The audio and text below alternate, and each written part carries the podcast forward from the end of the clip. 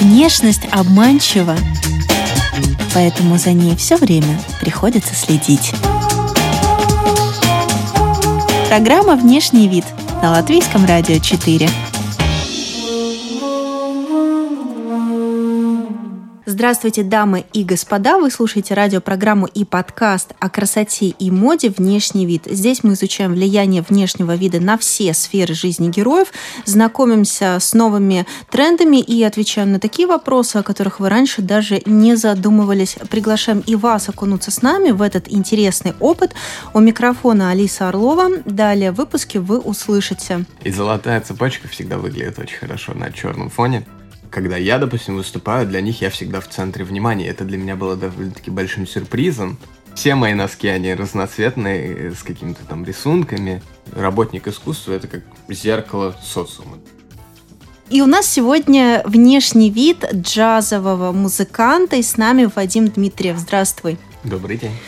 Прямо с самолета, с корабля на бал. Как по ощущениям? Удалось немножко хоть поспать?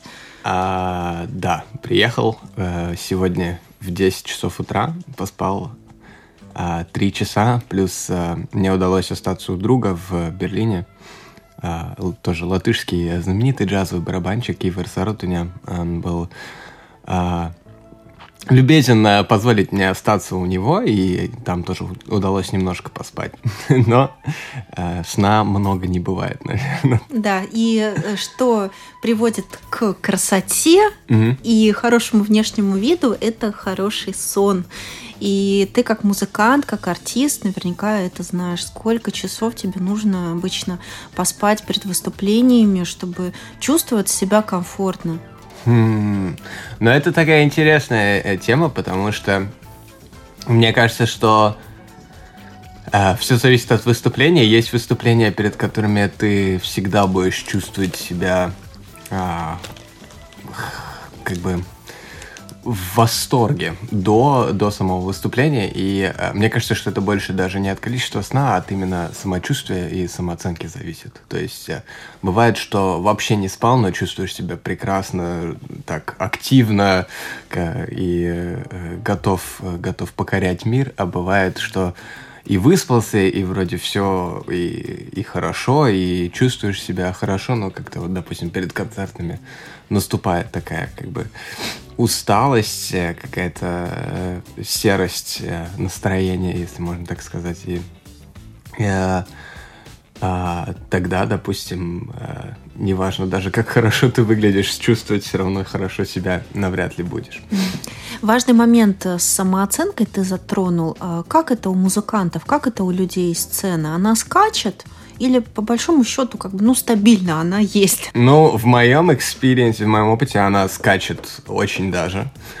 А большинство джазовых музыкантов, а, ну вообще, наверное, большинство музыкантов, которых я знаю, а, они как-то, по крайней мере, студенты, то, что я могу точно сказать, далеко не все, а большинство студентов, а, которых я знаю, они не очень сильно уделяют внимание своей самооценке.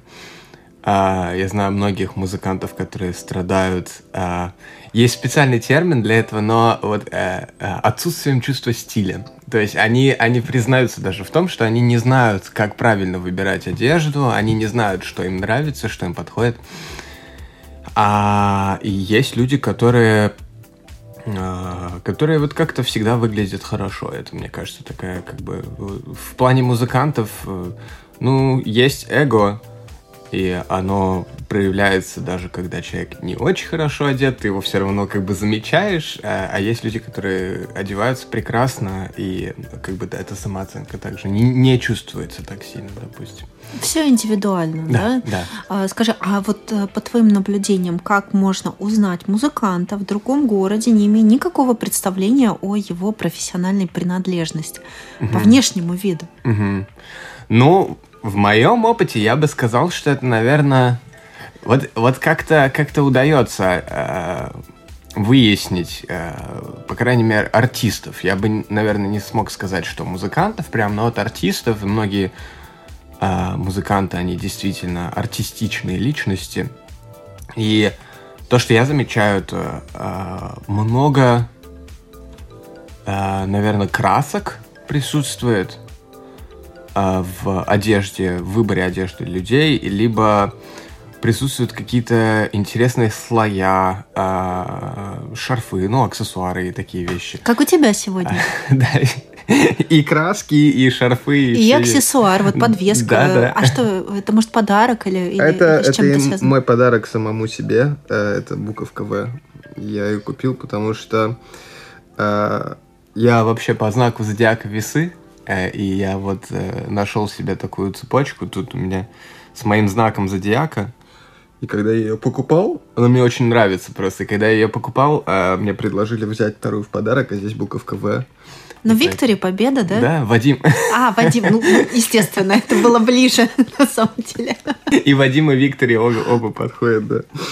Вот и я как-то тоже это... Я никогда не был фанатом особо золотых аксессуаров. Э, ну, золото, позолото, вообще цепей и таких вещей. Но вот э, как-то я заметил, Особенно, когда с черным, вот когда на концерты идешь, обычно черный дресс-код это довольно-таки частое явление, там черный джемпер, либо черная рубашка, и золотая цепочка всегда выглядит очень хорошо на черном фоне. И вот с этого момента я как-то стал, стал носить все больше и больше аксессуаров.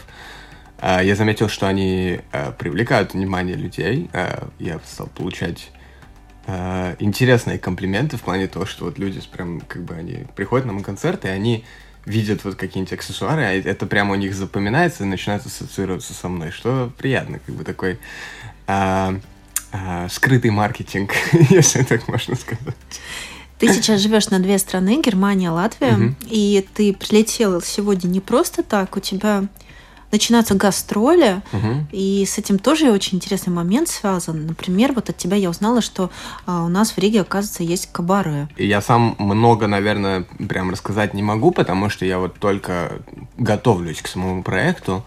Но, э, насколько я знаю, вот э, первые э, выступления уже должны начаться со следующей недели. Ну, насколько я знаю, у нас вот в Латвии традиция кабаре вот такая вот сезональная, то есть не то чтобы все время в каком-то месте, а то, что они появляются и пропадают, она вот уже на протяжении ну, лет 10-15 точно существует. По крайней мере, вот мои так, люди, которые были до меня и которые до сих пор есть, э, духовые музыканты, они, о, это вот, когда сезон, э, те, кто не знает, декабрь у музыкантов это сезон работы всегда, потому что работы в декабре обычно больше, чем в другие месяцы. И вот, когда сезон, тогда очень часто а, кабаре а, действительно а, занимает большую часть времени. А эстетика кабаре, она какая? Но вообще эстетика кабаре, вот что я видел, это, э, э, скажем так, танец э, с присутствием э, э, обнажения э, постепенного под музыку. Э, бывает вот в, разных характеристиках есть э, с юмором. Я видел вот в Гамбурге э, мы ходили на кабаре, там э, девушка, э, ее выступление было основано на том, что она была в большом костюме банана, и ей надо было из этого костюма вылезать э, на протяжении там, 15-20 минут, но так, чтобы это выглядело эротично, но с юмором, допустим. И это, это интересно, конечно. Интересно было на это посмотреть. Скажи, задействованы ли какие-то костюмеры, да, профессионалы, которые будут шить себе костюм? Или ты будешь выбирать что-то из своего гардероба для твоего выступления в рамках этого проекта? Э, я в рамках этого проекта, я предполагаю, что я буду как музыкант, я, скорее всего, не буду появляться на сцене. Но, опять же, тут надо больше деталей сами обсудить, как это все будет происходить, но обычно же весь фокус, э, он э, создается как раз-таки на танцорах самих, и а, музыканты, они обычно на заднем плане. То есть музыка, она происходит, но как бы нас обычно не видят. Я знаю, что часто ты сам ведешь эти джаз сейшн, mm-hmm. эти мероприятия, и ты на сцене вот так вот, вот прям в полный рост, ты полноценный ведущий. Э, как ты к этому готовишься? А, ментально, наверное, а, я просто собираюсь с мыслями. У меня э, всегда была какая-то тяга к сцене, меня всегда тянуло к микрофону, мне нравится говорить в микрофон, мне кажется, что это какая-то своя версия маленькая нарциссизма. Э, я просто люблю общаться с людьми и э, люблю импровизировать, особенно когда я говорю, будучи джазовым музыкантом, импровизация — это что-то, что меня очень всегда привлекает. И э, я вот как-то понял еще мне пару лет назад то, что когда ты говоришь, когда я говорю в микрофон с людьми, неважно, музыкант я или нет, я всегда чувствую себя как стендап-комик. И э, я как-то вот с таким отношением подхожу к своим концертам как к стендапу. То есть я там скажу пару шуток или что-то э, такое более в свободном стиле, не, не заученное. И мне кажется, что это всегда помогает как-то расслабить атмосферу на концертах, там, между очень серьезными произведениями, там, э, сказать какую-нибудь шутку или что-нибудь в этом роде, поиграть с, с публикой. А тебе нужно быть вот этой яркой точкой на сцене, чтобы все внимание было обращено на тебя? То есть используешь ли ты какие-то приемы внешнего вида для этого, да? Это как-то выражается в твоей одежде, аксессуарах?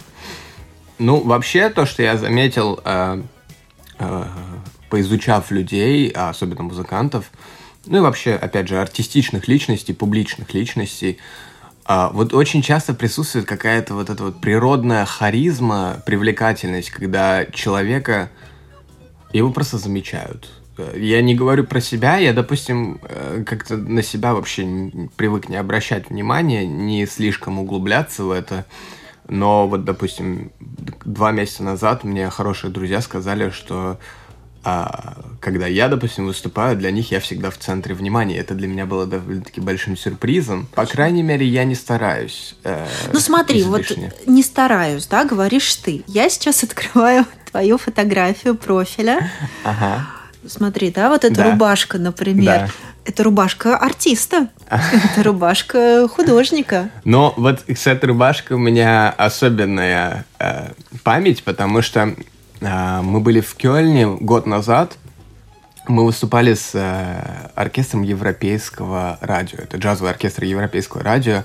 Очень престижный э, коллектив, где мне выпала большая честь быть э, и репрезентовать Латвию в этом проекте. И это было в Кёльне. Мы выступали в одном из самых больших, э, главных, как бы неформальных э, концертных залов Европы, который называется Штатгартен. Это как бы большой концертный зал, но там происходит вот как бы новая музыка, камерная музыка, не джазовая, не академическая. И э, этот концерт транслировался на все радиостанции Европы. И э, нас в этом оркестре было пару людей с Кёльна местных, и они сказали, вам надо обязательно э, увидеть, э, посмотреть наш э, любимый секонд-хенд магазин. Он как раз недалеко от Штатгартена. И прямо перед концертом э, мы сошли в этот магазин. Это был мой первый поход в секонд-хенд. И это был как бы такой винтажный магазин в французском стиле сделан. Там только французская ретро-музыка играла. И вот с этой рубашкой, вот у меня есть, когда я выбираю одежду, я не представляю, как она будет выглядеть на мне, но я вот просто вижу что-то, я понимаю, это мое. И я обязательно должен взять, неважно там какая цена, хотя бывает, бывает, что цены э, там видишь майку или свитер, он стоит 250 евро, понимаешь, что нет, все-таки. Даже я... винтажные, да? Да, да, да, да, да, да, да. Это Особенно в Германии. Для там. ценителей, видимо, да, ценники да. задраны специально. В Германии эти винтажные магазины, они бывают очень даже дорогими. И с этой рубашкой я, я ее взял, а, я просто ее увидел, я понял, что надо брать, так же, как еще один свитер.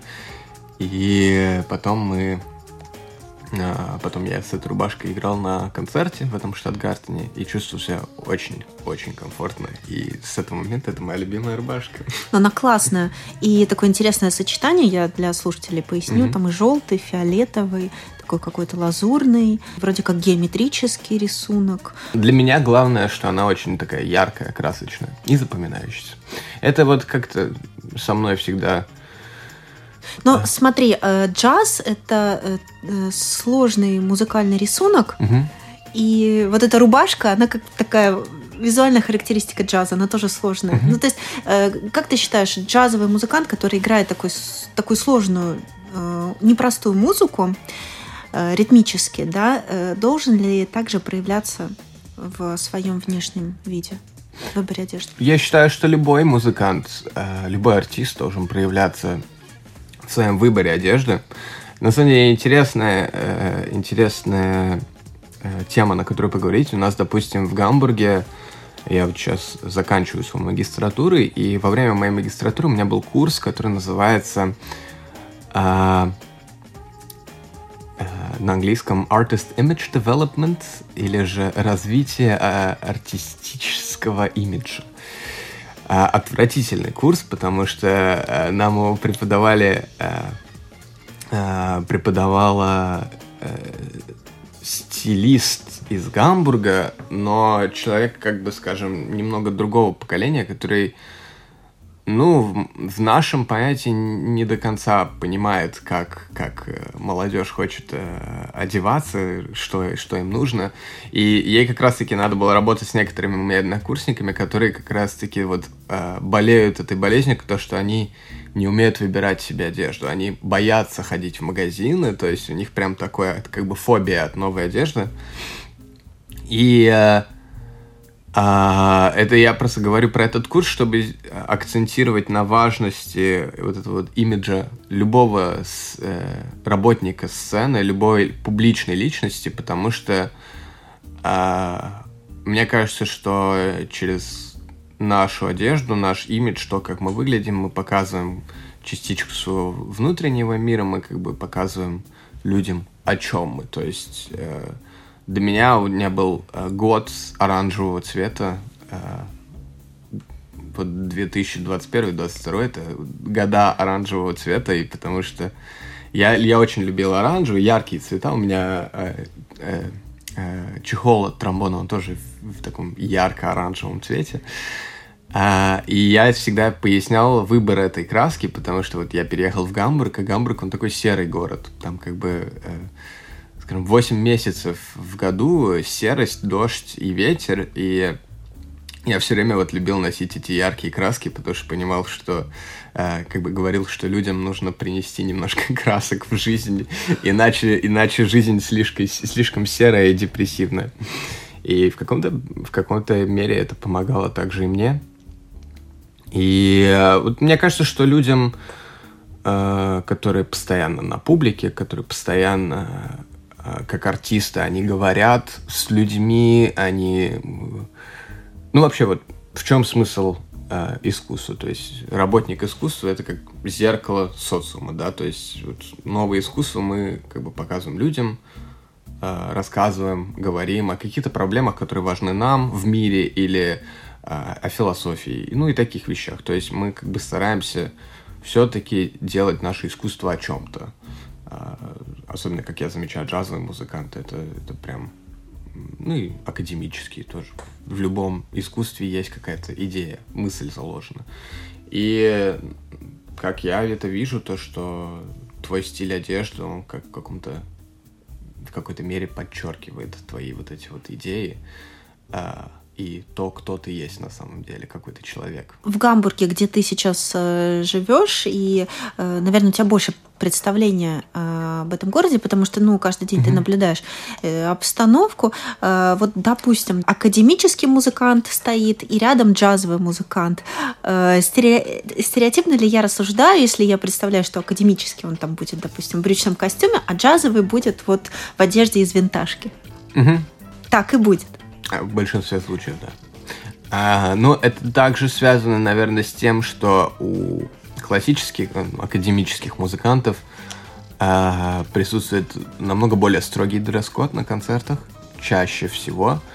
А, большинство концертов, которые мы видим, допустим, там камерная музыка или симфоническая музыка, это всегда будет черный галстук, черный пиджак, либо черное платье, э, белая рубашка, вот черно-белый э, цвет. Я всегда, когда вот особенно у меня была жизнь, я работал с классическими, симфоническими духовыми оркестрами, я всегда внутри ловился на той мысли, что я хочу бороться с этим всем. И у меня э, э, был друг в Германии, он был фаготистом. Э, в то время он сменил профессию, но вот мы с ним играли эти концерты, и он мне рассказал про то, как он с этим борется, с этим дресс-кодом, и, и я вот научился этому примеру и всегда вот с этого момента всегда так делаю. Это носки. И э, даже если вот черно, черно-белый э, костюм на тебе, то всегда можно одеть ультра разноцветные кислотные носки, и их все равно никто не увидит, потому что ты обычно сидишь где-то сзади оркестра, но ты как бы чувствуешь себя то, что ты выделился немножечко. Все мои носки, они разноцветные, с какими-то там рисунками. И, э, ну да, я просто продолжаю так делать. У меня черные длинные штаны, как бы этого не видно. Где, ты, где ты их достаешь, как ты формируешь свою коллекцию?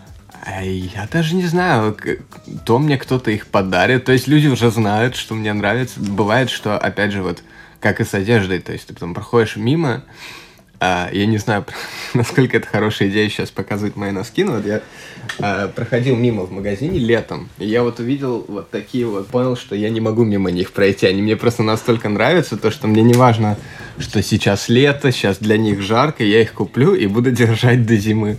Ну и так и вышло.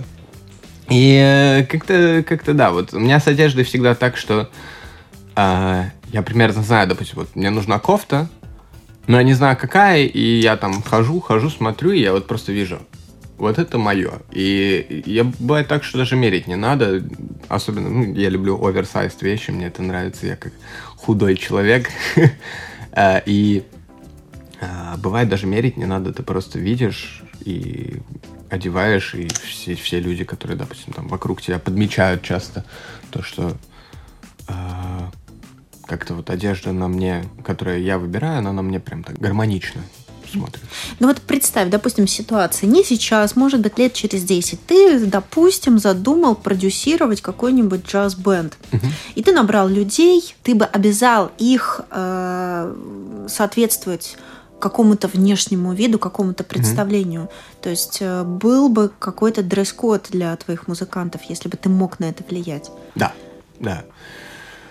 Ну, вообще, э, опять же, если да, джазовым музыкантам я всегда скажу то, что самовыражение, мне кажется, это очень важная э, часть нашей профессии, поскольку мы самовыражаемся через музыку, и я считаю то, что мы должны самовыражаться во всем.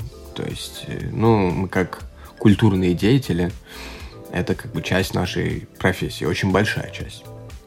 И э, я бы, я всегда, особенно когда я вот э, играю свои концерты с музыкантами, э, то есть с группами, которыми я руковожу, я всегда говорю, что э, как бы вот дресс-код либо он более формальный, либо менее формальный, но вот всегда вот это вот самовыражение, оно должно присутствовать. Главное, чтобы люди сами чувствовали себя комфортно. Ну и часто я говорю своим музыкантам, чтобы они там одели самую сумасшедшую рубашку, которая у них есть дома, самая там э, цветная или... Э, да, но нет, я как бы не, люб, не очень люблю играться с такими красками дресс-кода, там говорить, вот все обязательно должно быть в красном. Мне кажется, что это немножко странно, а, но это как бы лично мое мнение. То есть э, часто это выглядит очень хорошо, часто это выглядит, ну так.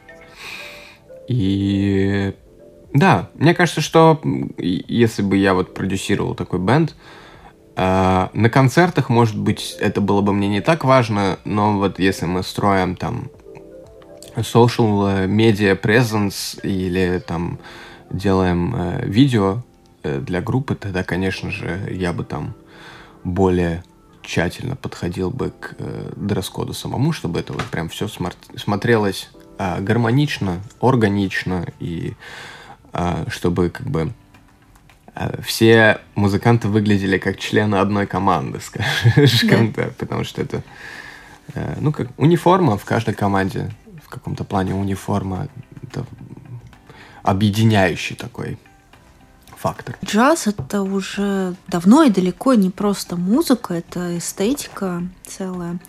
И это определенные вещи, предметы, ассоциации, цвета, фактуры и так далее, и так далее.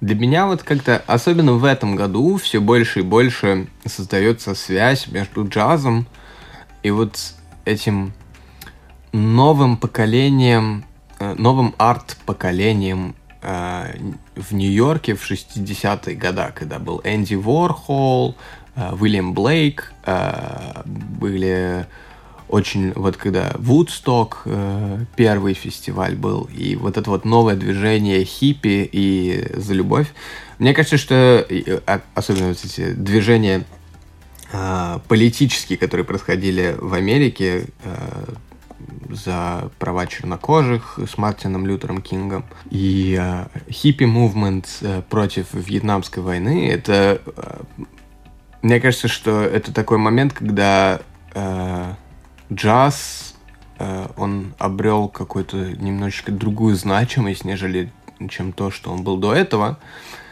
И после, вот, допустим, 60-е, 70-е он как бы стал перерастать в другие жанры, Э, мы, допустим, у нас вот есть э, знаменитые диско из студия 54, да, вот эта знаменитая запись из 70-х, э, где, как я, кстати, недавно узнал, большинство танцоров, первых танцоров диско, это, оказывается, были балет-танцоры Нью-Йорка, да. У нас в Гамбурге есть такой легендарный танцор балета Джон Ноймайер, и вот он, оказывается, был частью этого, э, этой записи. Мы до сих пор видим очень много трендов с тех времен, также в одежде людей, также в культуре. И, ну, как-то вот 70-е, они никогда не пропадали особо, мне кажется. Они появляются, уходят, появляются, уходят. А то, что до этого было, ну вот, я вообще, когда начинал слушать джаз, э, для меня это вот ассоциация джаз, это 20-е, 30-е года. Но а, чем больше Э, чем больше я изучаю культуру, тем больше я понимаю, что ну, это уже вообще другой мир. Тромбон – это модный музыкальный инструмент? Есть ли мода вообще на музыкальный инструмент? На музыкальный, конечно, да. Ну, я считаю, что моду задают сами музыканты. Э, и, к сожалению, у тромбона, ну, допустим, в Латвии э, никогда не было моделей, role, role models, как это правильно? Ролевых моделей. Ро, да, ролевых моделей э, в плане тромбона. То есть у нас есть Гуннерс Розенбергс, легендарный трубач, у нас есть э, Ралбишка, э, притом в нескольких поколениях саксофонисты. Много пианистов, но вот никогда тромбонистов, по крайней мере, джазовых особо не было. Ну вот мой, мой педагог, он как бы был солистом по тромбону, Болеслав Волик, но он никогда не был прям в стиле джаза. Ну, как в советское время джаз такой, как с использованием импровизации, наверное, не так э, был востребован, как он сейчас востребован. А, ну и да, и вот такие же тенденции мы видим в мире. То есть э, есть э, несколько тромбонистов, которые были в Америке на протяжении всего этого времени. Особенно вот, кстати, 30-х, 40-х годах тромбон был намного популярнее, чем он, допустим, был в 80-х или 90-х. Э, в джазовой музыке было очень много знаменитых тромбонистов, которые, ну, были там топ-5 музыкантов того времени. Такие как Джек Ти Гарден или Глен Миллер, тот же самый, Томми Торси. Э, а сам, сам по себе тромбон в наше время, к сожалению, он э, не... Я бы не сказал, что он популярный инструмент, но, с другой стороны, это то, что делает его стильным.